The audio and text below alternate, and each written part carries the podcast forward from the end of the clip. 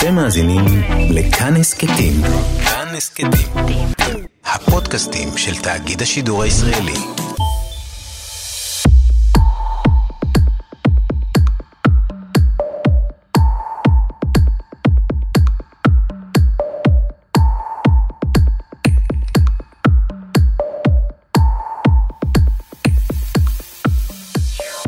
בפארנהייט 451, הדיסטופיה הקלאסית של ריי ברדבורי, יש מכונה, בעצם שתי מכונות.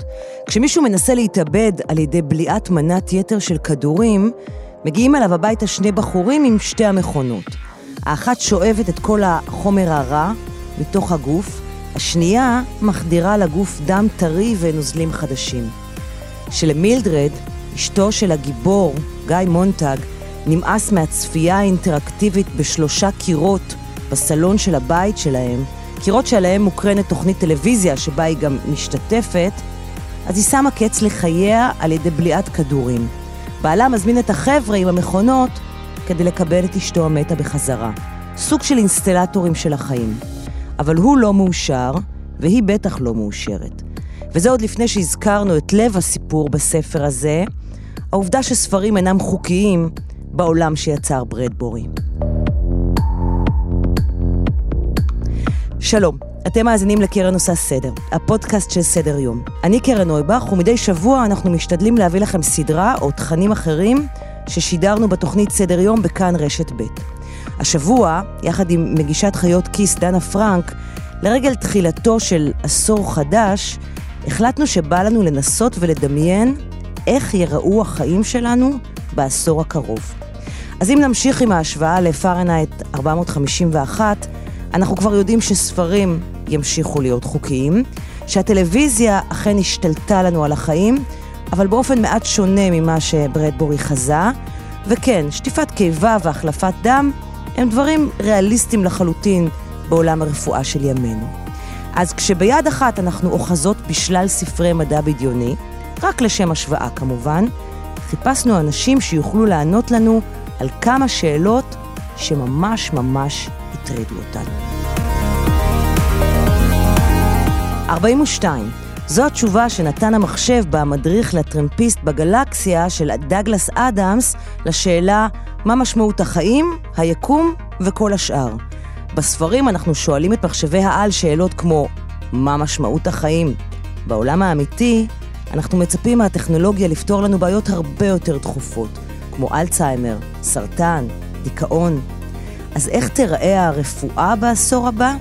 זה מה ששאלנו בפרק הראשון של 2030. איך ייראה העשור הבא?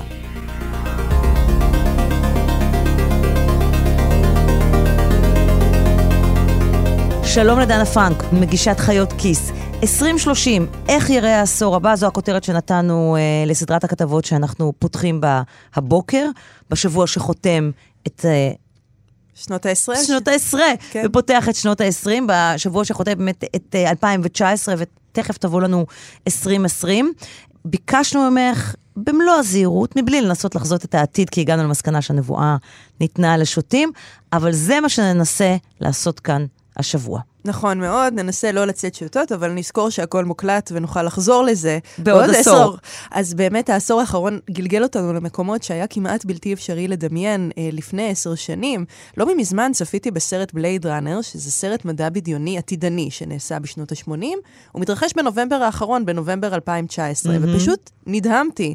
וכמה הסרט רחוק מהמציאות. בבלייד ראנר אנשים מדברים רק בשיחות וידאו, אבל כדי לעשות את השיחה צריך ללכת לטלפון ציבורי. כלומר, אין להם את הדבר המופלא הזה, שלכל אחד מאיתנו יש בכף כן, היד את מכשיר הטלפון. שמשתמשים בו ללא הרף. Mm-hmm. זה הם לא חשבו, וגם, אה, יש לציין, הבעיה החברתית הבוערת בסרט, היא באמת היחסים בין האנדרואידים לבני אדם, גם שם אנחנו עוד לא נמצאים. כן, אין לנו אנדרואידים, אבל יש לנו בעיית אי שוויון בין בני אדם לבני אדם לעומת נכון. זאת, כל הזמן. כל הזמן, וזה לא נפתר. אז בהינתן הסיכון הזה שאנחנו באמת עשויות, כמו אה, יוצרי הסרט, לפספס בגדול, אנחנו, אנחנו נדבר בימים הבאים עם מדענים, עם יזמים שנמצאים בדירת הפנטהאוז המשקיפה אל העתיד, אלה שכבר היום עובדים על פריצות דרך טכנולוגיות מדהימות, כמו האייפון, שבאמת היה קשה לדמיין אותו, והנה הוא הגיע.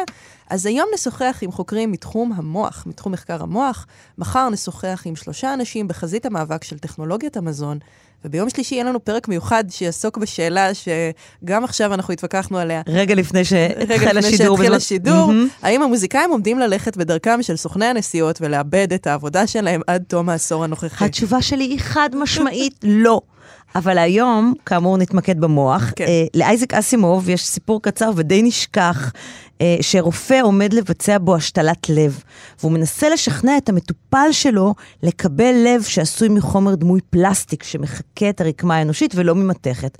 המטופל מסרב, מכיוון שהמתכת חזקה ועמידה יותר, כמו אצל המתכתיים, הרובוטים, כך קורא להם אסימוב, המתכתיים, שבדיוק קיבלו אזרחות באותו יום, באותו יקום, באותה שנה, והוא רוצה, בן האנוש, רוצה את הלב של המתכתיים. הרופא פורס בפני איש צוות אחר את התחושות שלו, שזה לא תקין שמשתילים רכיבים מתכתיים אצל בני אנוש, ורכיבים אנושיים אצל המתכתיים, ושכל מין צריך להיצמד למה ששלו. אז איש הצוות אומר לו שהוא גזעני. והרופא לא מכחיש. ובשורת הסיום של הסיפור, כמו תמיד אצל אסימוב בסיפורים הקצרים שלו, מתברר שהרופא הוא המתכתי. כן. הרובוט. הרובוט. ולא בן האנוש. ולא בן האנוש. כן. אז הרובוטים, כמו אצל פיליפ קיידיק, לא הפכו לחלק בלתי נפרד מהעולם שלנו, אבל הרופאה, הרפואה הייתה ונותרה התחום שאנחנו מצפים ממנו להכי הרבה, שאנחנו מקווים שהוא יום אחד שהטכנולוגיה הזאת תציל לנו את החיים. לחלוטין, כן. אני חושבת שכולנו, יש בזה גם משהו שהוא רגיש במיוחד, כי כולנו מכירים אנשים שמתמודדים עם כל מיני בעיות. וכל הזמן יש את התקווה שהם רק יחזיקו מעמד ואנחנו נמצא את הפתרון, כמו פרח לב הזהב כזה. Mm-hmm. וזה מאוד, אה, לי זה מזכיר את וולט דיסני שביקש שיקפיאו את גופתו מתוך איזו תקווה ואמונה שיום יבוא וידעו להפשיר אותה ולהתמודד, כאילו אנחנו לא, לא היה לו את הכלי הזה כשהוא החליט להקפיא את עצמו. אז באמת, אה, אני חושבת שאחת הבעיות הגדולות שאנחנו מתמודדים איתה, ואנחנו מאוד מאוד אה, רואים אנשים שנמצאים עם הדבר הזה, היא מחלת האלצהיימר. ואני חושבת שהיום ברחבי העולם חיים כ-50 מיליון בני אדם עם המחלה, כ-150 אלף מתוכם בישראל. אלצהיימר היא מחלה של הגיל המבוגר, זאת אומרת כ-90% מהחולים יפתחו אותה רק אחרי גיל 60. אז ככל שאנחנו רואים את המגמה שנמשכת בעשורים האחרונים, של העלייה בתוחלת החיים, mm-hmm. אנחנו יכולים לתאר לעצמנו שיהיו יותר ויותר חולים, ואנחנו באמת נדבר עם חוקרת שמנסה לפתח את זה. אז נגיד שלום אה, לפרופסור אה, אורית שפי, ראש מסלול ביו-הנדסה בפקולטה להנדסה בבר אילן. בוקר טוב. העניין הזה של המוח ושל האלצהיימר, זו אולי הציפייה הכי גדולה מכם החוקרים, נכון? אה, נכון, אני גם רואה איזה, איזה השפעה יש לכל פרסום בכיוון, זה מעורר הרבה עניין ובצדק.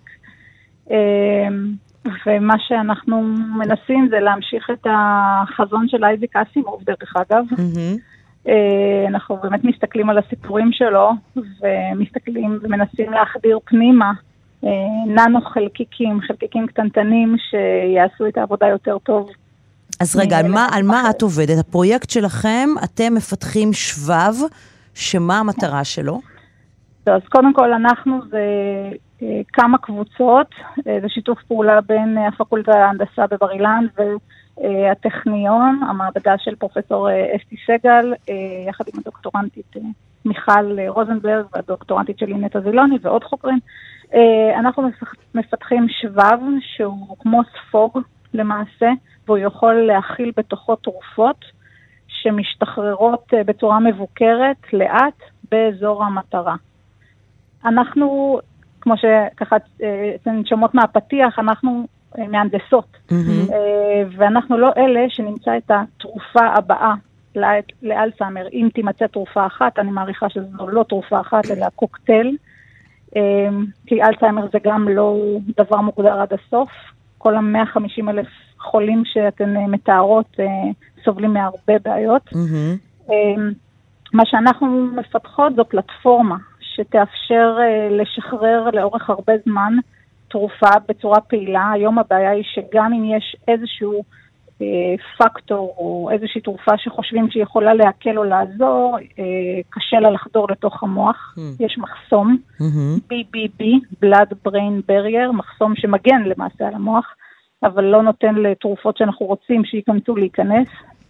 זה דבר אחד. ודבר שני, אה, רוב התרופות יש להן זמן חיים אה, מאוד קצר והן מתפרקות והן מפסיקות להיות פעילות די מהר. אז בעצם בתוך השבב הזה התרופה יכולה, משך החיים שלה כאילו מתארך?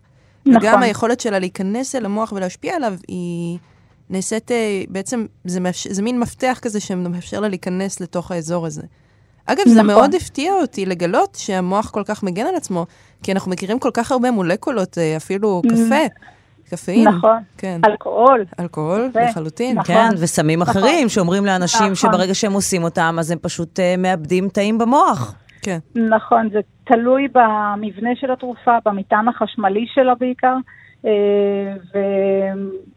וניקוטין ואלכוהול עוברים, והגודל, הם באמת חודרים בקלות, אבל דברים קצת יותר או גדולים או עם מבנים אחרים או עם מטען אחר לא חוצים, את, לא חוצים. אה, ופה, ובאלצהיימר קודם כל יש עדיין את השאלה מהי התרופה. אה, אנחנו... אבל ברגע שתהיה התרופה, את אומרת, אפשר יהיה לשים אותה בתוך השבב שאת מפתחת, ואז היא תוכל להשתחרר באופן המיטבי לתוך המוח כדי לעזור נכון, לו. זה נכון, הרעיון. אנחנו, נכון. אוקיי. אנחנו הראינו, כן, אנחנו הראינו את זה לאורך אה, כמה חודשים בחיות, ויש לנו עוד אסטרטגיות שאנחנו מפתחים, הכל בשביל שזה ייכנס... כמה שנים מהיום זה קורה? אה, אז זהו, 2030 זו כותרת אה, שנשמעת נורא עתידנית, אבל פחות עתידנית ברפואה. Mm-hmm. לוקח זמן. עד שמשהו יאושר וייכנס לתוך מוח, אני מעריכה שאולי באמת ב-2030 נתחיל לראות ניסויים כאלה בבני אדם, אבל אני לא יכולה ממש 2040, לא, לא יותר כן, לכיוון של 2040 ואפילו 2050. טוב, אז נכון. אצל, במעבדה של אורית אה, מנסים לייצר את השבב הקטן הזה שיושתל בתוך המוח, ובינתיים חוקרים אחרים מנסים לייצר דרכים אחרות לחבר את המוח למכונה, דנה. נכון, זה ממש אה, ממשק ישיר בין מוח למחשב שאינו תלוי בתיווך לשוני או אפילו תודעתי. מאז שנות ה-70 מאיימים עלינו שהנה זה מגיע, ועכשיו נראה שזה כבר עוד מעט כאן. אה, נועם גולדווי. נגיד שלום לנועם גולדווי, דוקטורנט לחקר המוח בבית ספר סגול למדעי מוח. מה העניינים? אה, תסביר לנו מה אתה עושה. מה אני עושה? כן.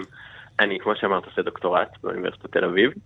אמ, אני עושה אותו אה, במעבדה שנקראת אה, המרכז לתפקודי המוח באיכילוב, שזה מעבדה שנמצאת בראשותה של אה, פרופסור טלמה הנדלר, ובעצם המטרה שלנו כמעבדה זה לגשר בין תובנות אחרונות ממדע בסיסי בעצם בחקר המוח, ולחבר אותם בעיקר לעולם של פסיכיאטריה ולטיפולים פסיכיאטריים ולהפוך אותם לכמה שיותר uh, מוכווני מוח. טוב, עכשיו וכאן... במילים, במילים שאנחנו נבין בבקשה.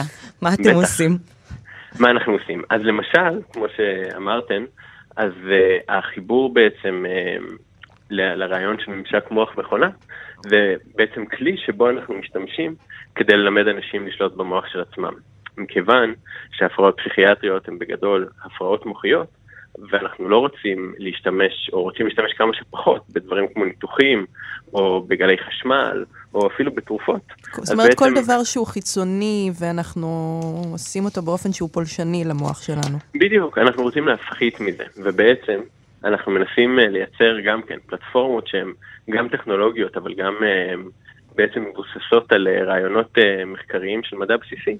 אה, שיאפשרו לנבדקים הפסיכיאטרים שלנו בעצם להטיב את הפעילות המוחית שלהם ולשלוט על הפעילות המוחית של עצמם. מה, הם, סליחה, הם אמורים לאמן את המוח שלהם? כאילו לשפר את, הפ... את התפקוד של המוח שלהם? בדיוק. אז אם אנחנו למשל רוצים לשנות את הפעילות המוחית, אנחנו באמת יכולים לעשות את זה או בעזרת תרופות או בעזרת גריעה חשמלית שיכולה להיות או חיצונית, או ממש שאנחנו משתילים... גריעה חשמלית זה מה שפעם קראנו אמ, מכות חשמל, מכות חשמל והיום קוראים נזעי חשמל, כן. בדיוק. נכון, כן. נכון. ושעד היום זה טיפול קצת שנוי במחלוקת. הוא טיפול שנוי במחלוקת בעיקר בגלל חוסר הספציפיות שלו, mm-hmm. הוא מאוד מאוד כללי. כי הוא לא אה, פועל, אתה, אתה אומר, על המקום המסוים במוח שהיית רוצ... שהיית, בדיוק, שאם היית בדיוק. מסוגל לפעול עליו, אתה אומר זה היה טוב, הוא פועל על משהו הרבה יותר גדול, ולכן הוא גם יכול לגרום נזק וטראומה. אה, נכון מאוד, ובאמת אה, הבעיה של ספציפיות במוח היא בעיה אה, כללית, שאחת מהדרכים להתמודד איתם, בטח בבני אדם, בניגוד לחיות שבה אנחנו רוצים עוד פעם להיות כמה שפחות פולשניים, זה עם הרעיון הזה של ממשק מוח מכונה, ששם ההתערבות היא מאוד עדינה יחסית. בעצם יש לנו מערכת שקוראת את האותות מהמוח בזמן אמת, mm-hmm. ומציגה אותם לנבדק שלנו. באותה מידה למשל שאם תרצי להשפיע על הקצב לב שלך, על הדופק שלך, הדבר הראשון שתעשי כנראה יהיה לשים את היד על פרק היד. אוקיי. ולמדוד בעצם את הדופק. אז יש לנו מערכת שקוראת את האותות בזמן אמת, ואז מציגה אותם לנבדקים בצורה של משחק מחשב. וכדי להתקדם במשחק המחשב, הם בעצם נדרשים לשנות את הפעילות המוחית שלהם לדפוס מוחי שאנחנו אה, מאמינים שהוא טוב יותר עבורם. וככה, מפעם לפעם הם מתאמנים בזה לא מעט פעמים, בדרך כלל עשר, אה, הם בעצם לומדים לרכוש איזושהי מיומנות חדשה שמאפשרת להם להתאים אה, את הפעילות המוחית.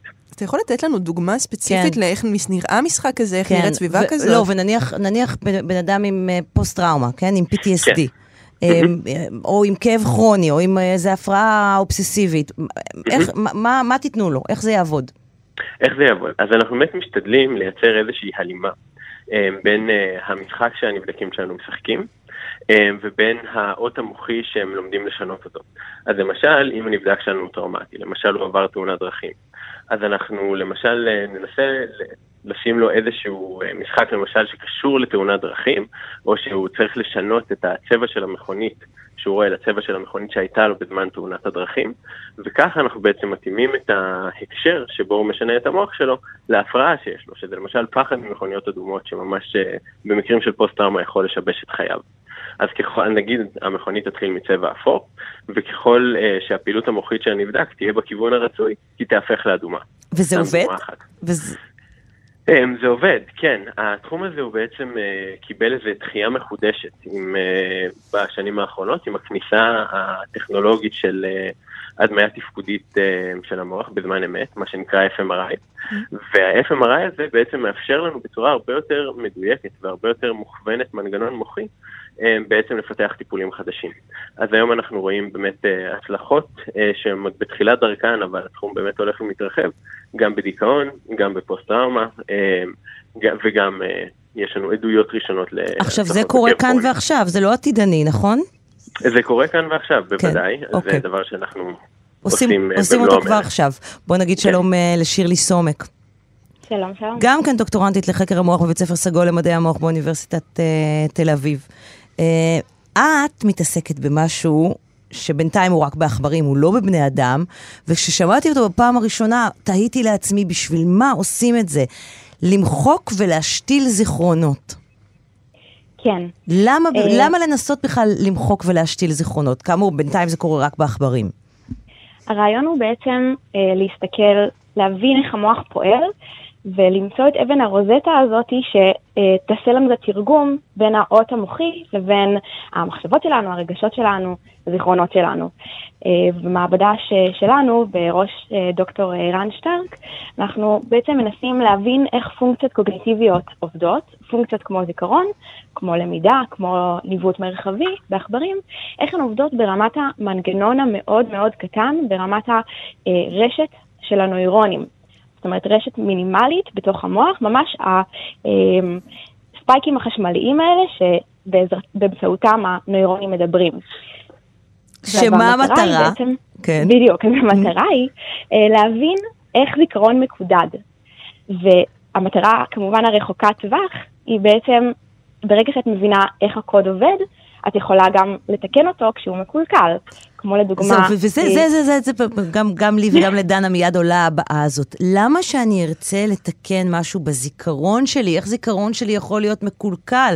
זה אני, זה החיים שלי. גם אם חוויתי משהו מאוד רע, אני לא ארצה למחוק את זה, כי זה חלק ממה שאני. ודאי שלא, לא, לא, הכו... ממש הכוונה היא לאנשים עם אה, בעיות.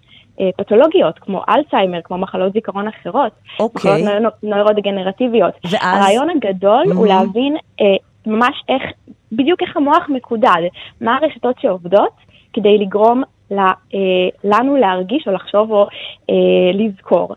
וברגע שאנחנו יודעים איך הרשת הזאת עובדת, אז נוכל לפתח כל מיני תרופות או כל מיני אה, עזרים כדי אה, לגרום לרשת הזאת כן לעבוד גם כשהיא אה, תקולה.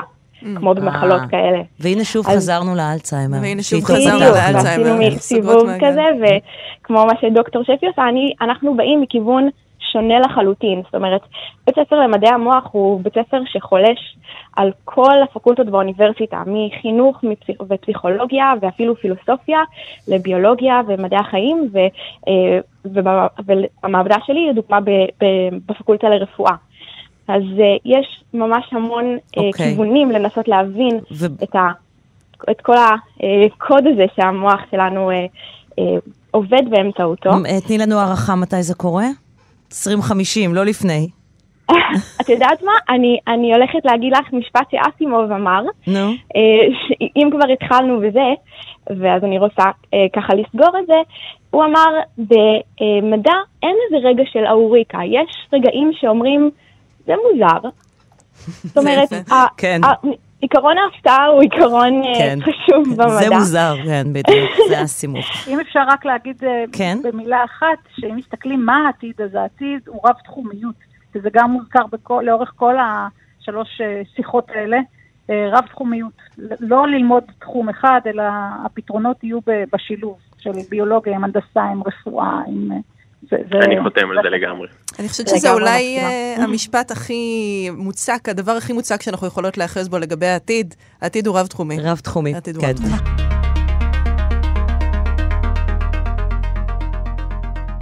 בבאז וניאלה, הספר של מרגרט אטווד, עובד אחד הגיבורים בתאגיד ווטסון קריק. שם מפתחים כל מיני המצאות של הנדסה גנטית כמו גוש עוף, תרנגולת חסרת ראש ורגליים שכולה בשר לאכילה, כלזבים, שהם החלאה גנטית של כלב עם זאב, וכמובן השתלזירים, חזירים מרובי איברים פנימיים לצורכי השתלה. עולם הרפואה וההנדסה הגנטית עדיין לא הגיע לשם, לשמחתנו, אבל רקמת בשר שמיוצרת במעבדה, שמטרתה בין השאר לצמצם את כמות האנרגיה שמושקעת בגידול בקר ולמנוע הריגת בעלי חיים, את זה כבר יש לנו.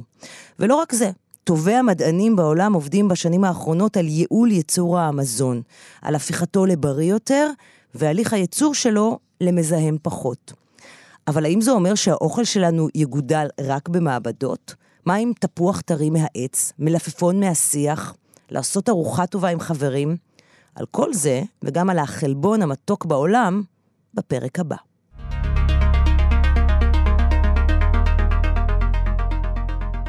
איך ייראה העשור הבא? פרק 2. היום נדבר על מה שלא משנה מתי ואיך תמיד נזדקק לו, נכון? בהחלט. אוכל, ולא רק שתמיד נזדקק לו, גם אנחנו כל הזמן מדברים על זה שבעולם יש פחות ופחות אוכל, ושאנחנו צריכים למלא את המחסנים כי אנחנו בעצמנו מרוקנים אותם. אז מה שביקשנו לבדוק יחד איתך בפרק הזה, איך ייראה האוכל שאנחנו אוכלים עשר שנים מהיום. אז uh, אתמול באמת דיברנו על אסימוב, היום נדבר על דאגלס אדמס, שבספר שלו, מדריך הטרמפיסט לגלקסיה, מתאר מכונה בשם נוטרימטיק. מי שלא נתקל בספר מעולם, קודם כל חובה. ממליצות בחום. שני, בהחלט, זה יצירה יצירת מופת. מאוד מאוד מצחיקה אה, של המדע הבדיוני, שמלווה את מסעו של האנגלי ארתור פורד ברחבי הגלקסיה, כשהוא מלווה במכשיר בגודל כף יד, שיודע לענות על כל שאלה, להסביר הכל. הוא המדריך לטרמפיסט בגלקסיה. שלא לדבר על זה שדגלס אדמס באמת היה עתידני, כי מדובר בטלפון מדובר שלנו. בטלפון הנייד שלנו, כן, תיאור. מאוד יפה, אבל אה, ככה המדריך מתאר את, מכ- את מכונת הנוטרימטיק. כאשר לוחצים על כפתור, המכונה סורקת במהירות, אך בפירוט מקסימלי, את בלוטות הטעם והמטאבוליזם של המשתמש, ואז שולחת אותות ניסוי זהירים דרך הקישור הנוירולוגי אל מרכז הטעם במוחו של המשתמש כדי לדעת מה המשקה שהכי סביר שיתקבל בברכה. לאחר כל המסע הזה, המכונה מייצרת משקה שבטעם שלו הוא מותאם בדיוק לכל המשתנים האלה. ככה ארתור פורד מנסה להשיג תה, כי הוא אדם אנגלי בחלל החיצון. באמת, כמו רבות מההמצאות במדע הבדיוני, כמו באמת הטלפון שדיברנו עליו, שהוא המדריך לטרמפיסט בגלקסיה, נשאלת השאלה האם גם הנוטרימטיק בדרכה אלינו. אז בואו נגיד שלום לתמי מירון, CTO של חממת הפודטק, Fresh Start. אהלן תמי. בוקר טוב, אהלן, בוקר טוב. מה זה פודטק? אה, זה באמת ה buzzword של השנה-שנתיים האחרונות. מה זה למי שלא בתחום? אז קודם כל כולנו בתחום, אנחנו נולדים אה, ומיד אנחנו מתחילים אה, לאכול. אה, הכי בגובה העיניים זה הכי פשוט וגם הכי מדויק, זה כל מה שקשור לפיתוחים וחדשנות בעולם המזון. פוד זה מזון וטק זה טכנולוגיה. למה זה נעשה כל כך נדרש, כל כך מבוקש אה, בשנים האחרונות?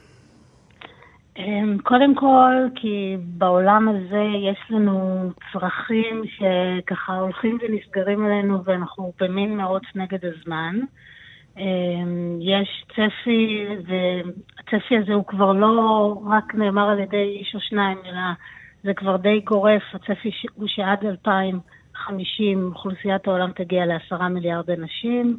אה, בהתחשב בעובדה שאנחנו חיים יותר זמן, אנחנו גם אוכלים יותר, מקורות המזון, כמו שאנחנו מפיקים אותם היום, כמו שאנחנו צורכים אותם באביוז מטורף היום, זה כבר לא יספיק לנו. אז קודם כל, כל הצורך פה קיומי של ה... של האנושות אה, למצוא חלופות אלטרנטיביות. כלומר, מה, שלא נוכל יותר לגדל את האוכל שלנו בשדה, כמו שאנחנו מצפים היום שהוא יגודל, אם מדובר בירקות, קל וחומר לא נוכל יותר לגדל בקר ולצרוך בשר, כמו שאנחנו עושים היום, ולכן אנחנו צריכים למצוא שיטות אחרות להכין את האוכל באופן הרבה יותר חסכוני, שתופס הרבה פחות מקום, שפולט ומייצר ולוקח הרבה פחות אנרגיה? כן, אבל אני לא, אני לא הולכת למקום כזה קיצוני שלא נוכל יותר אה, לייצר או לגדל באמצעים המסורתיים שמתקיימים היום, אבל לא יהיה מנוס מלהתקדם ולהתפתח לטכנולוגיות שעכשיו נמצאות בקנה, אה, כי באמת, באמת זה לא יהיה יעיל, עתודות הקרקע, עתודות המים, ההתחממות הגלובלית, הטמפרטורה כל הזמן עולה, לא נוכל להמשיך כמו היום. אז אני רוצה אבל להבין, כן. באמת, כי זה, זה משהו שהטריד אותי מאוד במחשבה לקראת הפרק הזה. זה יהיה okay. אוקיי. גם וגם, עדיין יהיה לנו עצי תפוחים ומלפפונים אה, ובננות. וחלה ביום שישי. וחלה ביום לא שישי, ולצד, ו, ומה, ולצד זה יהיה לנו אוכל שיצא ממכונה, או שיוכן במעבדה?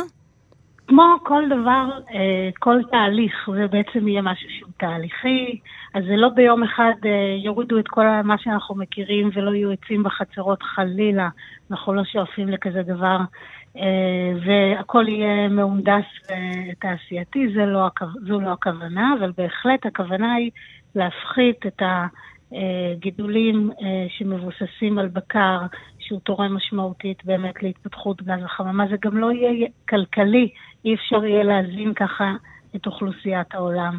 אה, ולאט לאט, כן, יהיה יותר ויותר מקום לכל הפיתוחים החדשים שאמורים, אחת המשימות המשמעותיות שם זה שאותם גידולים אמורים להיות טעימים כמו, נראים כמו ועם מרקם דומה. אה, מה, כמו המלפפון? כמו הבננה? אני בעיקר לא סתם מדברת על ירקות ופירות, אה, כן. כי שם... ירקות ופירות וגידולים חקלאיים.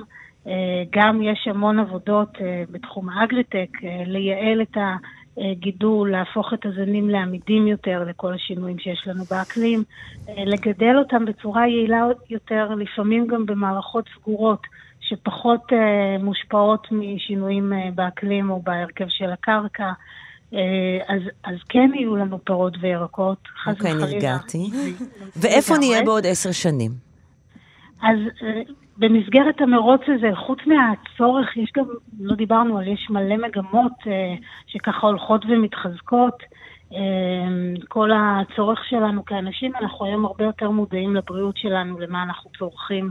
אז יש מגמה מאוד מתחזקת של, אה, זה נקרא clean label, שאנשים רוצים שהמוצרים המתועשים יהיו, יכילו פחות רכיבים, שהם יוכלו להבין את כל מה שכתוב על התווית.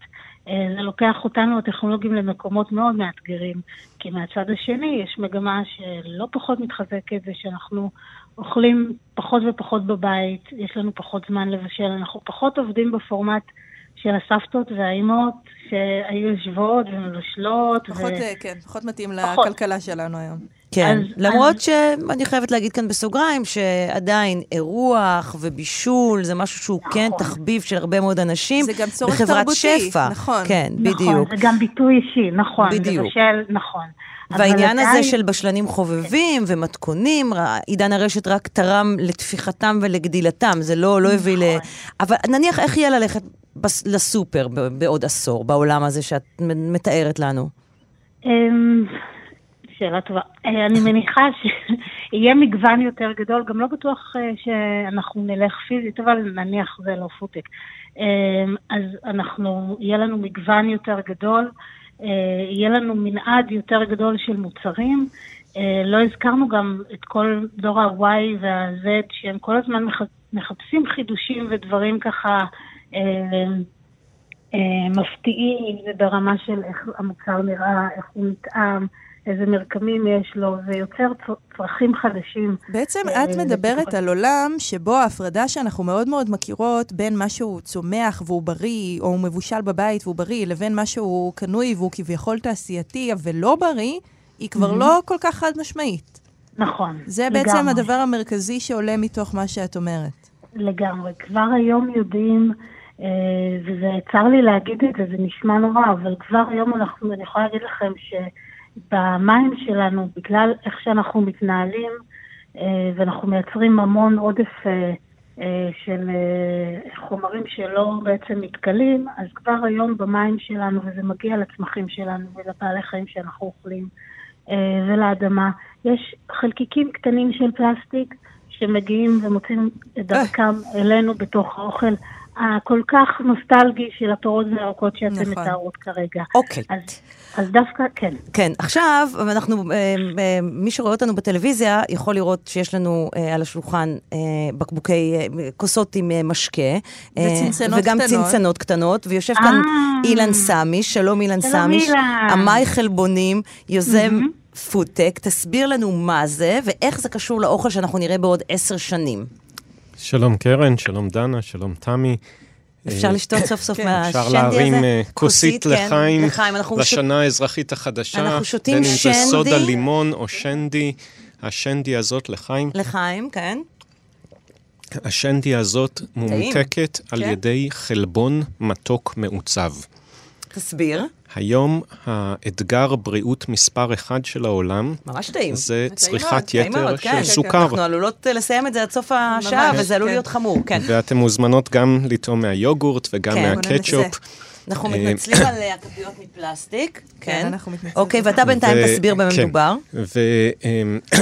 ואחרי קריירה באקדמיה... טעים. היוגורט טעים. טעים. עם ספר של עיצוב חלבונים חישובי, החלטתי לקחת את הטכנולוגיה הזאת ולהקדיש את עצמי לרפא את האוכל שאנחנו אוכלים במקום את התרופות.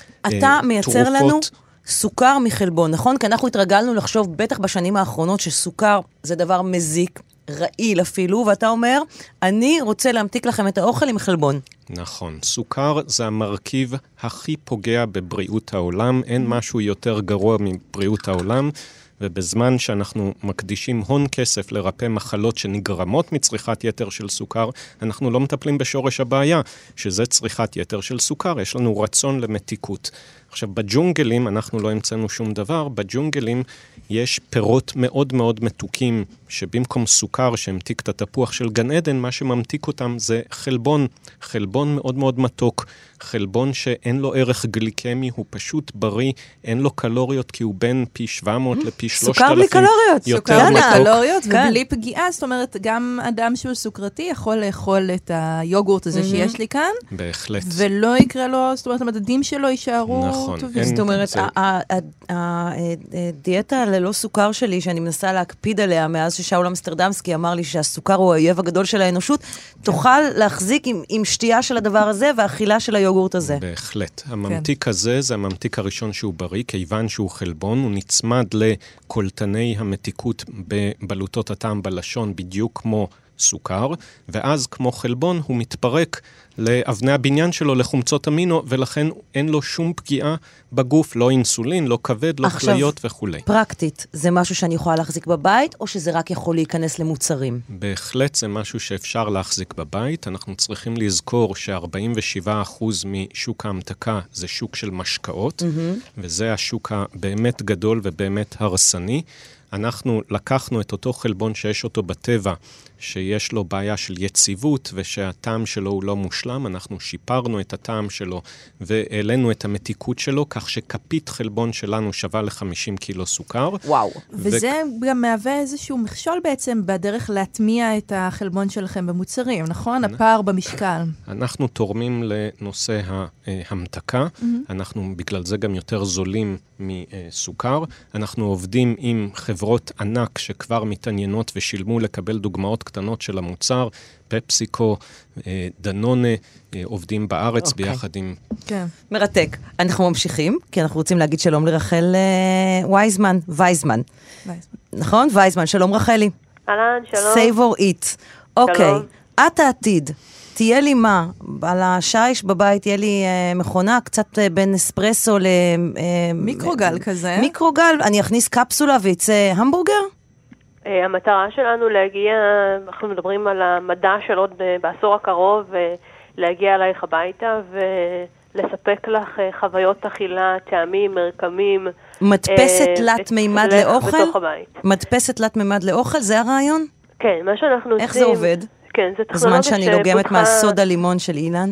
כן, זו טכנולוגיה שפותחה בפקולטה לחקלאות על ידי שתי יזמים מאוד בולטים, פרופסור עודד שוסאו ועידו ברסלבסקי. אה, אנחנו מפתחים בעצם את הדור הבא של תחליפי הבשר, שהם מבוססים אה, צמחים, עם טעם, עם מרקם, עם החוויה, חוויית האכילה המאוד מאוד ייחודית אה, של הבשר.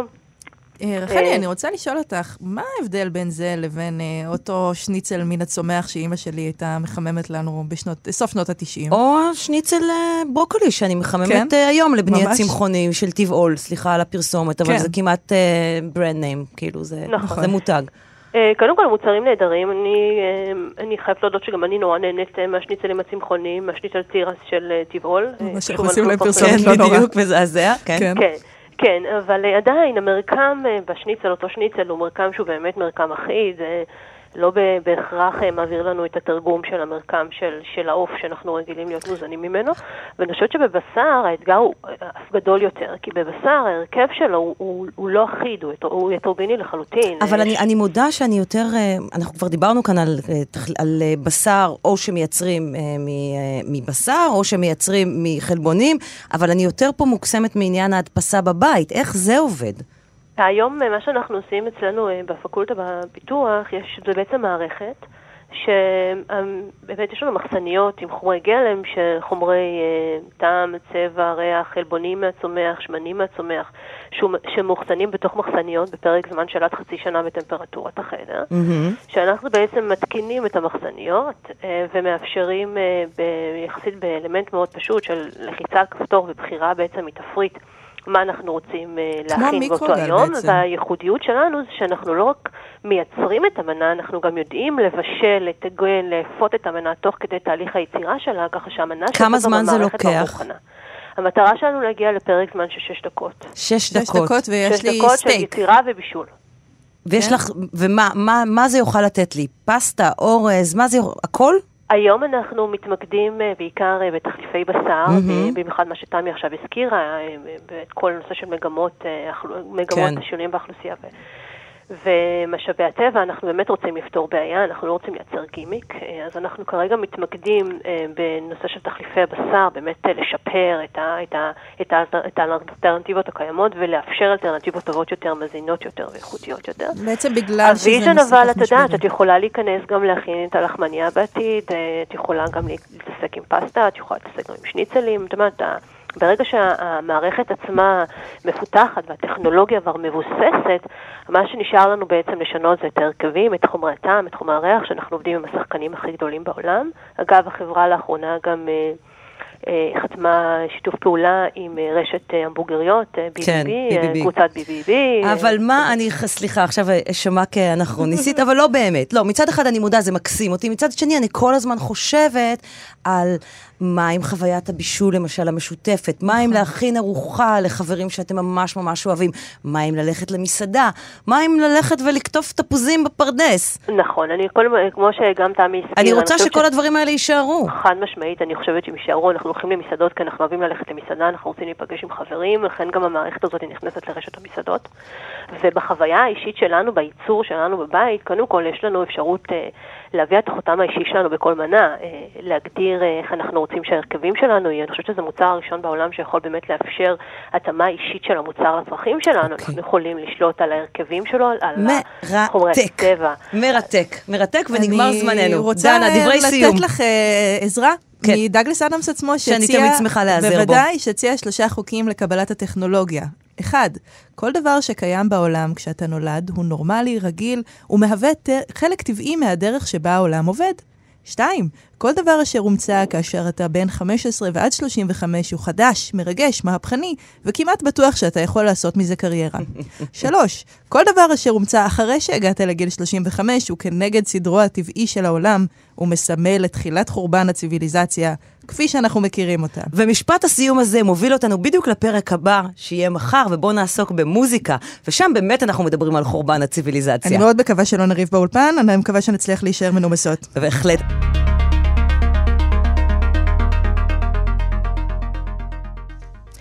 רובוט פופ, זאת הייתה אחת ההגדרות העצמיות של קראפטוורק, להקה שבמובנים רבים הניחה את היסודות למוזיקה האלקטרונית.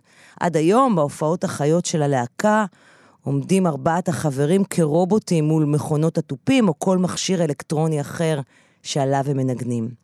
אבל את המוזיקה של קראפטוורק, עתידנית ורובוטית ככל שתישמע, כתבו אנשים, בשר ודם. ובשל כך היא מפתיעה, לפחות אותי, כל פעם מחדש. יש בה שלמות ושיבוש בעת ובעונה אחת.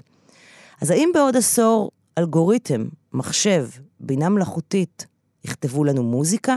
לכאורה כדי להתאים בדיוק למצב רוח שלנו או לרצון שלנו? האם זה מה שאנחנו רוצים? ומה יקרה אז לאלמנט ההפתעה? עכשיו אומרים שלום לדנה פרנק. שלום שלום, בוקר טוב. 2030, איך ייראה, ובעיקר בדקות הקרובות, איך יישמע העשור הבא?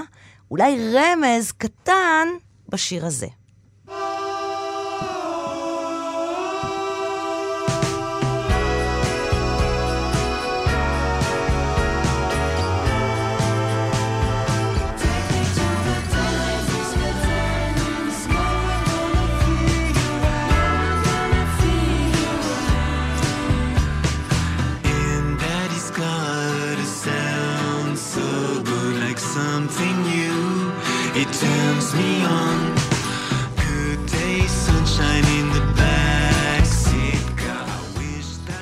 באמת, אה, השיר ששמענו עכשיו נוצר במעבדה, לא באיזה חדר חזרות מיוזע. זה שיר שיצרה בינה מלאכותית. זה נשמע כמו ביטלס, Car. זה נשמע כמו ביטלס מקולקל. נכון. שלא לומר כמו ביטלס משועתק. וזה בדיוק מה שזה. ביטלס מהונדס. וזה בדיוק מה שזה, וזה בדיוק הנושא שאנחנו נדבר עליו היום.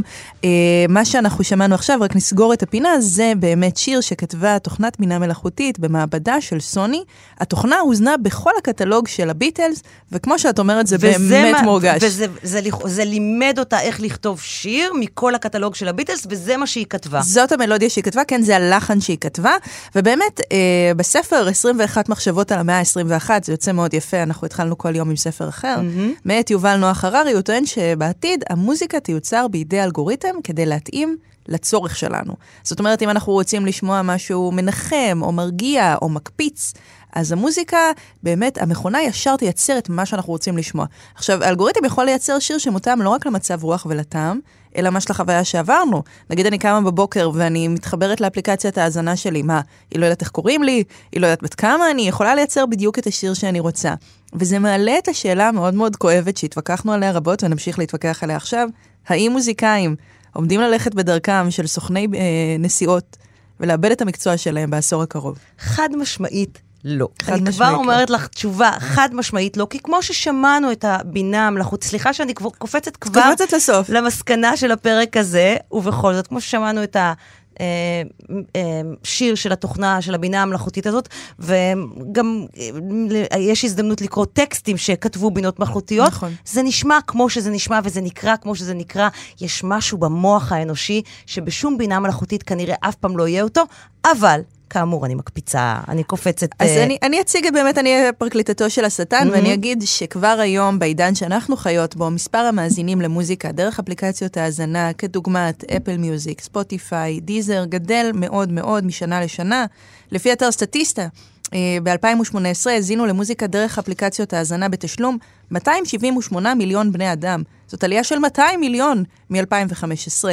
ב-2011 ההכנסות משירותי הסטרימינג שהיו אז בראשית דרכם היו כ-9% מכלל ההכנסות של תעשיית המוזיקה. בשנה החולפת אנחנו מדברות כבר על כ-80%.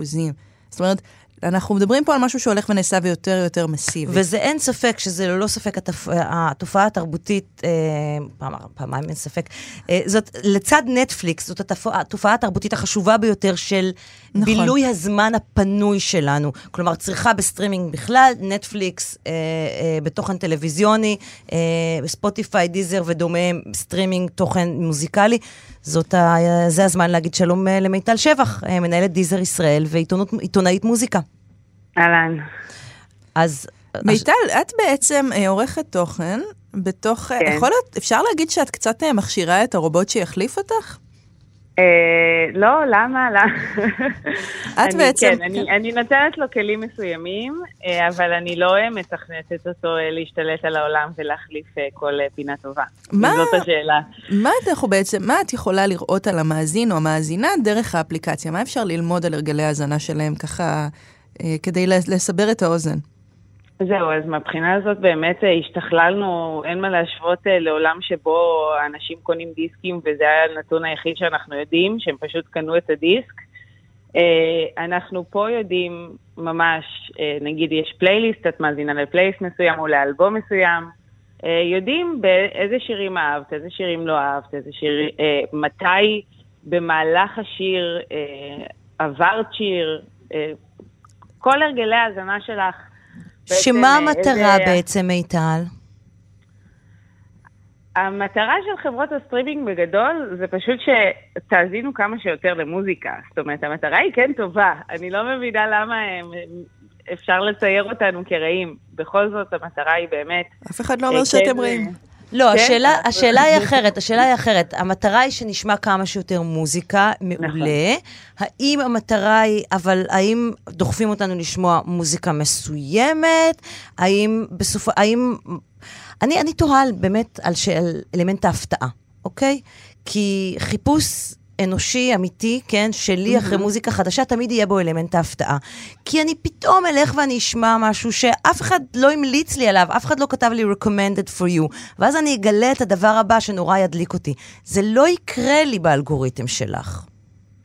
אמ, זה מאוד תלוי, שוב, זה גם מאוד תלוי באיזה סוג של מאזין אתה, כי יש הרבה מאוד מאזינים שהם יותר באמת אה, אוהבים לגלות מוזיקה חדשה, ואז אה, דווקא האלגוריתם, או לא רק האלגוריתם, הם יחפשו אה, בפלייליסטים חדשים, בהמלצות חדשות, וזה דברים שהם לא בהכרח בנויים על מה את ספציפית שומעת.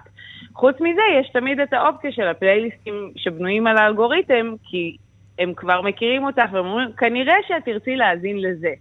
זה רק באמת בגדר כנראה, בגלל שיש את כל האפשרויות פתוחות, אז זה עדיין מאפשר uh, לגלות מוזיקה חדשה. אל תשכחי שבאמת, גם בעבר יש מאזינים שהם היו רק uh, פותחים רדיו ומכירים את המוזיקה שהרדיו משדר, ויש את המאזינים שהיו הולכים לח- לחנויות תקליטים או חנויות דיסקים ומדברים עם המוכר, שואלים אותו, מה חדש? בוא תמליץ לי. Uh, אז אני חושבת שזה איזשהו תרגום לזמן שלנו, ולא בהכרח מה שהרג את מוסד הגילוי, המלצות, uh, אבל לפתוח בסופו של אוזניים. דבר, המערכת החדשה הזאת אה, אה, רוצה, אה, כמו המערכת הישנה אגב, אבל קצת אחר, כי פעם רצינו אלבום שיקנו אותו כמה שיותר אנשים, או סינגל שיקנו אותו כמה, יותר, כמה שיותר אנשים, את הסינגל הפיזי, ואת הקנייה הזאת, הפיזית, החליפה היום ההשמעה, נכון? את רוצה, כן. מבחינתך, להיט, דבר מוצלח, שיר מוצלח, זה שיר שהילד אה, או הנער או הנערה ירצו לשמוע אותו 40 פעם ביום. כן, אה, אחת הטענות שיש כלפי באמת עידן הסטרימינג זה שקצת ג'אנרים נ- נעלמו, נדחקו הצידה, כי בעצם, אוקיי, רגע, אני אסביר. אה, מה שמוביל את תעשיית המוזיקה, בטח ברמה הבינלאומית והמיינסטרים וכל הדברים הזה, זה כסף, ברור, כמובן. כן, ברור, ודאי. אמ, ופעם באמת המנוע היה מי קונה דיסקים, זאת אומרת, מי האנשים שיש להם לפחות אה, 60 שקל בבנק אה, כדי ללכת לחנות. זה אומר שהם אנשים כנראה בוגרים. כן. אה, היום, תחשבו שהמנוע הכלכלי נמצא בהשמעות. זאת אומרת, ככל ששומעים את זה יותר או יותר פעמים, לשם הולך הכסף. עכשיו, הקהל שהכי הכי מאזין לשירים בריפיטים, ילדים? כפי שאתם ודאי יודעות, זה ילדים. Mhm. כן. אמ, וזה קצת אה, כן אה, שינה את אה, פני התעשייה, אפשר להגיד. זה אחת הסיבות, לא רק זה, אבל אחת הסיבות למה פתאום בעשור הזה צצו המון המון המון המון כוכבי נוער, המון זמרים צעירים, זמרות צעירות, אה, שאני חושבת שבעבר היינו קוראים להם ילדי פלא, או אפילו לא היינו מתייחסים אליהם כי הם היו ממש מוזיקה לילדים, מהמם. ובעשור הזה זה פתאום אה, נהיה גל מטורף, כי שוב, ברגע שהילדים שמעו את זה שוב ושוב ושוב, זה כבר נהיה משהו להיט. ש... שלא זה לדבר על, על, ו- על להיטי הרגע למיניהם, הגנגנם סטייל, או ה, אני לא יודעת אם אתם ראיתם כן. את הסרטון של הפיינאפל, אם יצא לכם לראות את הדבר הזה. בוודאי. זה היה להיט לפני איזה שנתיים. אני, אני כאילו, בא בני, מראה לי את הדבר הזה, הוא כולו משתאה מזה, ואני אומרת לעצמי, אל אלוהים, אבל זה אני- נהיה אני להיט אפילו מטורף. רוצה להוסיף ולומר שאני pen, חושבת pen, שזה... pen, pen, apple pie. אני חושבת להגיד שזה אפילו הולך ונעשה יותר ויותר צעיר, זאת אומרת, היום אני רואה אצל אה, חברות שלי את האובססיה המטורפת סביב בייבי שארק, שזה ממש תינוקות, הם דורשים לשמוע את זה שוב ושוב ושוב. אבל תגידי, מיטל, מוזיקה כזאת שמיועדת לשמיעה בחזרתיות, שהיא מיועדת ליצור איזה אפקט התמכרותי על, על תינוקות רכים בשנים, זה לא משהו שיחסית קל ללמד מכונה לעשות? תראו, זה... אני רוצה לשאול אותך ברמה כן. העקרונית, מה את חושבת על זה שמכונה תכתוב מוזיקה? אני מזועזעת מזה. תודה רבה. לא, אבל את זה אוי חושבת שזה ואבוי משהו ש... מבחינתי. את חושבת שזה משהו שיקרה? את חושבת ש... לא. אני חושבת ש... למה שוב, לא? הבינה, אני, אני גם לוקחת אחריות על, נגיד, על ה-20-30 שנה הקרובות, אני לא יודעת מה יהיה בעוד 200, מהמם. אבל uh, אני חושבת שקודם כל, תמיד מוזיקה היה את הלהיטים, וניסו לעלות על איזשהו נוסחה, איזושהי נוסחה, שגרמה לדברים uh, להצליח באותה צורה, וזה לפעמים עבד, אבל לרוב זה לא עבד. וגם אם מלמדים מחשב, ואם אנחנו ניקח את כל הנתונים, אפילו הנתונים שנוכל לאסוף על uh, מאזינים, נגיד שאנשים אוהבים שהפזמון חוזר בדקה 0.7, והם אוהבים uh, ב, ב, בדיוק בדקה שנייה וחצי חצוצרות. גם אם נדע להגיע לרמה הזאת של הדאטה כלפי מאזינים, אם נעשה כזה דבר בדיוק, זה לא אומר שאנשים ייהנו מזה, כי תמיד המוזיקה משתנה ויש דברים חדשים שאף אחד לא ידע לזהות. אנחנו והנה- באמת אה, חוזרות לאלמנט ההפתעה, אה, ואם אנחנו כבר עסקינן באלמנט ההפתעה, אני רוצה לעבור אה, לשיר שנכתב, יצא ממש השנה, כשישראל אירחה את אל האירוויזיון. תגידי מה זה. אוקיי. קודם בואי נשמע. בואו נשמע את זה קודם כל.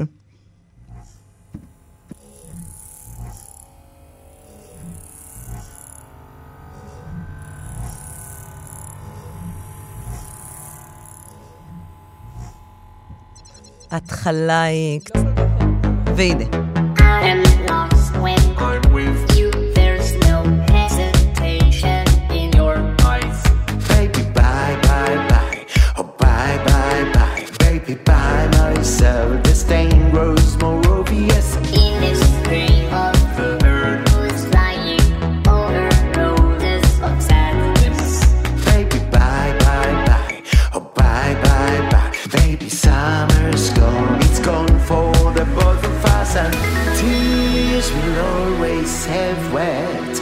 Eyes that cry, but I'll survive on a mission. I will let you go forever. שלום לערן הדס. שלום, שלום. אמ, איך נגדיר אותך? אה, משורר, תוכניתן, מרצה באוניברסיטת תל אביב במסלול מדיה דיגיטלית.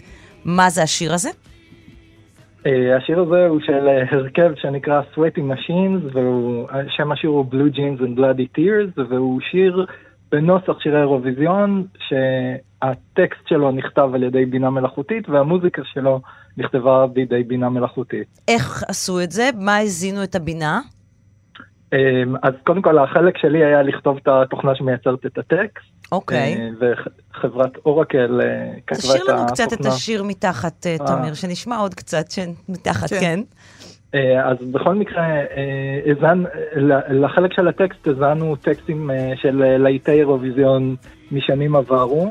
וגם גם אותם, לא את כל השירים, וגם בהם אה, עשינו קצת אה, עיבוד מוקדם, כי נניח אה, הלהיט הגדול של אבא ווטרלו, יש בו את המילים ווטרלו ואי אפשר לחזור עליהם. שייכנסו. מהמם. וכן, והיו גם כל מיני אילוצים חוקיים, ייעוץ משפטי שאסר עלינו לקחת רצפים של יותר מ... אוקיי. וככה בסופו של דבר נוצר השיר הזה. אתה יודע מה, בוא, תמיר, כן, בוא נשמע אז- עוד קצת? רגע, בוא נשמע עוד קצת.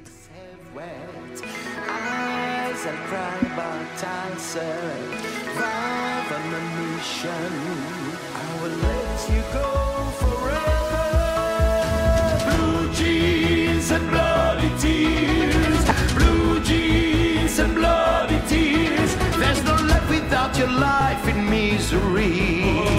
Blue jeans and bloody tears. טוב, מה אתה חושב על זה, ערן, את האמת? אה, נו, את האמת. אחרי שאמרת שאי אפשר להשאיר את הבינה המלאכותית לבד במעבדה וללכת, ושעדיין זה דורש הרבה ליווי אנושי, נו, מה אתה חושב על זה? לא, אז אה, לא. אה, אה, העמדה שלי מורכבת. קודם כל, העיבוד הוא אה, נעשה על ידי אדם אה, סופר מוכשר בשם אבשלום אריאל, שהוא גם הפיק את אה, טוי, והזמר שלנו זה יזהר כהן, שהוא בשר ודם, אף פי שהוא אגדה. אז אז, לא הכל כאן הוא בינה מלאכותית. אה, אבל אני אגיד לך, אני אגיד לך באמת, קודם כל, אני מאוד מעריכה את הצד הטכנולוגי של מה שעשיתם, אין לי שמץ של מושג איך עושים את זה, וברור לי לחלוטין שנדרשת לזה הרבה מאוד אה, אינטליגנציה ויכולת טכנולוגית אה, גבוהה ביותר. אבל התוצר נשמע כמו השיר ששמענו של הדמוי ביטלס, זה נשמע משהו מודבק.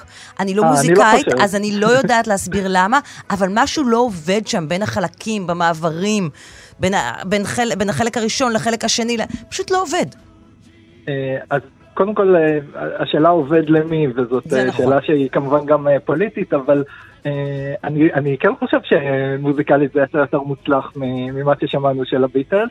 אני, אני לא רוצה להיכנס לזה, אני, אני אגיד את הדבר הבא. אבל אני אשאל אותך- אוקיי, סליחה. הטכנולוגיה לא במצב בשלות ש, שיכול להתחרות באנשים בטכניקות הזאת, בטכניקות אתה האלה. חושב שבעיקרון היא יכולה להתחרות?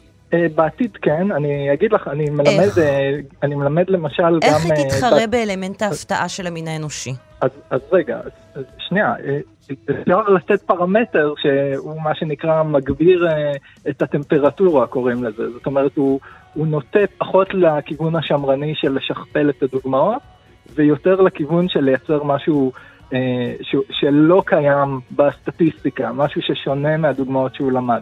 ברמה הטכנית זה לא הסיפור. אה, הבעיה כאן אה, היא בעיה שדווקא נגעתם בה קודם.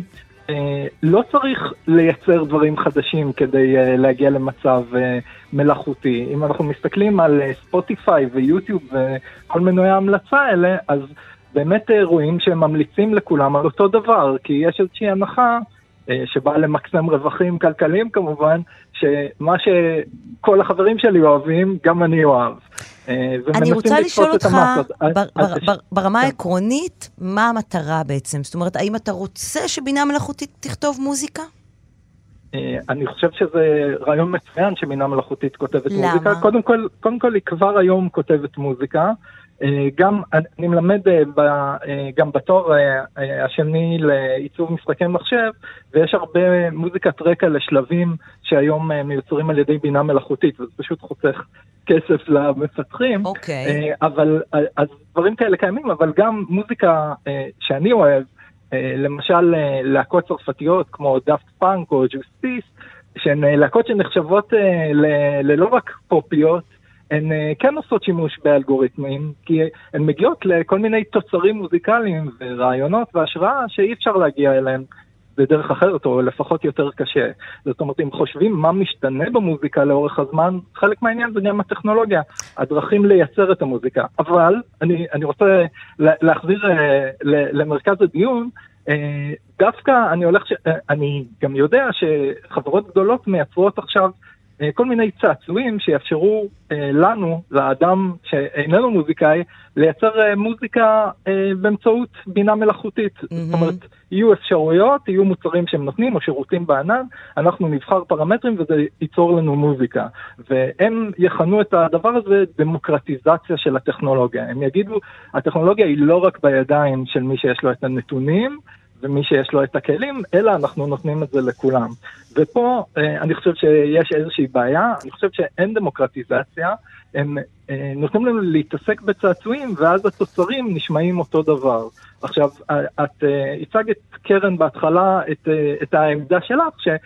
מי שאוהב את הלהיטים, אה, כל הכבוד לו, ושימשיך ככה, אבל שתהיה אה, אפשרות גם לאנשים שמחפשים את ההפתעה והדברים האלטרנטיביים החדשים. מהמם. וזו תכונה שהיא אופיינית אה, לדור הצעיר, מה שנקרא תיאוריית אה, פתיתי השלג. כל כן. אחד אה, רוצה להיות מיוחד.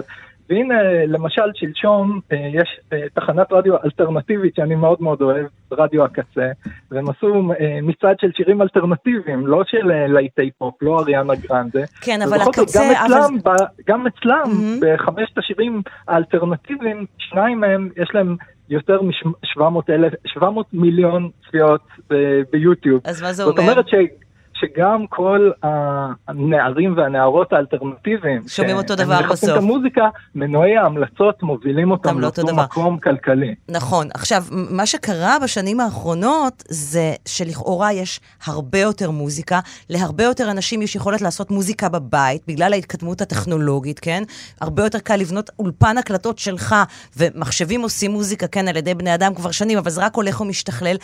אבל בסופו של דבר, באמצע, כולם שומעים אותו דבר. אני מסכים, זאת אה, בעיה רצינית, אבל... כולם אה, שומעים ביונסה. איפה שאני חולק עלייך זה... או אה, קנדריק. מה דרך ההתמודדות. אוקיי. תראי, ביונסי וקנדריק יש להם ערך שהוא מעבר למוזיקל, יש להם ערך חברתי, ואני מכבד לא, אותם. אבל, אבל כולם. שומעים אותם בסופו של דבר. נכון, המונופוליסטיות היא מאוד מאוד חזקה של האומנים המרכזיים. אה, אני- מסכים, והעניין כאן הוא לא עניין של האלגוריתם, אלא עניין של התעשייה. העניין- כאן הוא לא, אה, הוא לא האם את בוחרת אם לשמוע אותם או לא, אלא הממשק שבו בני אדם גורמים לנו להשתמש בטכנולוגיה. אני אתן לך אה, דוגמה לא מתחום המוזיקה, אבל זה בדיוק אותו דבר. כשאת מתחברת לפייסבוק, שזה משהו שאנשים לא כל כך צעירים אה, עושים, וגם קצת חלק קורא, עקץ אותי. עקץ, עקץ אותנו. אני- חוזר בי, כשאני נכנס לפייסבוק, כי זה משהו שאנשים לא כל כך צעירים עושים, אז אה, אני רואה בפיד אה, מה שחברים שלי כתבו, אבל הסדר שבו האלגוריתם בוחר לי להראות אותם, והבחירה, מי יופיע ראשון, מי חבר יותר טוב שלי כביכול, זה לא משהו שאני בוחר אותו בהעדפות, נכון? יש לי העדפות של לראות ראשון וכולי, אבל... אבל אף אחד לא שאל אותי את השאלה הזאת, זאת אומרת, אם אני מסתכל אוקיי. אז על ברירת ערן, בעצם, המחדל, אם, אתה, אם אני גוזרת מתוך מה שאתה אומר, אתה אומר שאנחנו צריכים להמשיך לפתח את היכולות הטכניות האלה כדי להשתתף במשחק. זאת אומרת, כל עוד אנחנו לא, אה, אנחנו נמנעים מזה ואנחנו שוטפים את ידינו מההתעסקות הזאת באלגוריתמים, אנחנו בעצם מאפשרים לחברות גדולות ולכוחות חזקים מאיתנו להחליט עבורנו. אה, למ- למעשה, זה נכון מאוד, למעשה זאת כן. איזושהי תמונת ראי מוקצנת של הקפיטליזם, שבו אם את לגמרי. רוצה להיאבק בגוף עם הרבה כסף, ואין לך כסף, אז יהיה לך קשה לעשות את זה. אבל כאן, זה, זה לא רק עניין של כסף ש, שצריך לעבוד עבורו, אלא זה עניין של אה, אה, מצב מחשבתי. זאת חברים. אומרת, אנחנו צריכים אה, לדעת שיש לנו את הכוח לגרור את החברות לפעול עבורנו ולא עבור האינטרס שלהם. אני מאוד מודה לשלוש... לארבעתכם, זה היה מרתק. אני לא יודעת איך תראה המוזיקה ב-2030, אבל אני משוכנעת שהיא תמשיך להיות מצוינת, ושבני אדם ימשיכו לכתוב אותה, עם עזרה קלה אולי מדי פעם של בינה מלאכותית.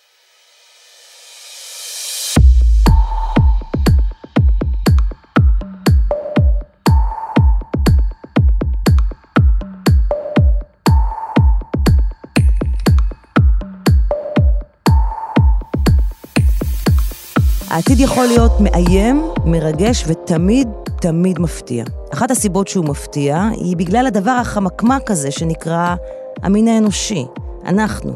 יש לנו את היכולת שבינתיים עוד אין לאף מכונה להפתיע את עצמנו כל פעם מחדש. להמציא את הדבר הבא שישנה את העולם. הרבה פעמים לטובה, לצערנו לא פחות פעמים לרעה. אבל יש לנו את הזכות האדירה לראות את העולם משתנה מול העיניים. כשאני נולדתי, בקושי הייתה טלוויזיה בישראל וקו טלפון היה לנבחרים בלבד. בשנות ה-20 שלי האינטרנט פלש בסערה לחיינו. לקראת סוף ה-30 לחיי נחת הסמארטפון בכף ידינו. העשור האחרון היה העשור של הרשתות החברתיות, שאותם אנחנו כל כך אוהבים לשנוא, אבל לא באמת מסוגלים בלעדיהן. מה יביא לנו העשור הבא? ניסינו לתת כמה וכמה תשובות, אבל בעיקר איזה כיף לנו שאנחנו פשוט יכולים לשבת ולצפות במה שהולך לקרות פה, ולקוות שהצד הטוב של המין האנושי ינצח. אתם האזנתם לקרן עושה סדר, הפודקאסט של סדר יום. סדר יום משודרת בכל יום בין ראשון לרביעי ב-10 בבוקר בכאן רשת ב'. פרק חדש של קרן עושה סדר יעלה בכל שבוע, בלי נדר, בכל פעם שנסיים לצלול לעומקו של נושא כלשהו. אתם מוזמנים להגיב לנו על הפרק הזה ובכלל למייל התוכנית, סדר נקודה יום שמונה, שטרודל ג'ימל נקודה קום, וגם בעמוד הפייסבוק שלנו, סדר יום עם קרן נויבך, וגם בטוויטר שלי, קרן נויבך, במילה אחת באנגלית. את הפודקאסט הזה הפיקו דנה אסרף ותומר שלפניק, עורכת סדר יום עם עירית הושמן מיטרני, בהפקה של סדר יום, דנה אסרף ותומר שלפניק. טכנאי השידור היו יואב כהן, תמיר צוברי ויוג'י גבאי. להתראות. עד הפעם הבאה.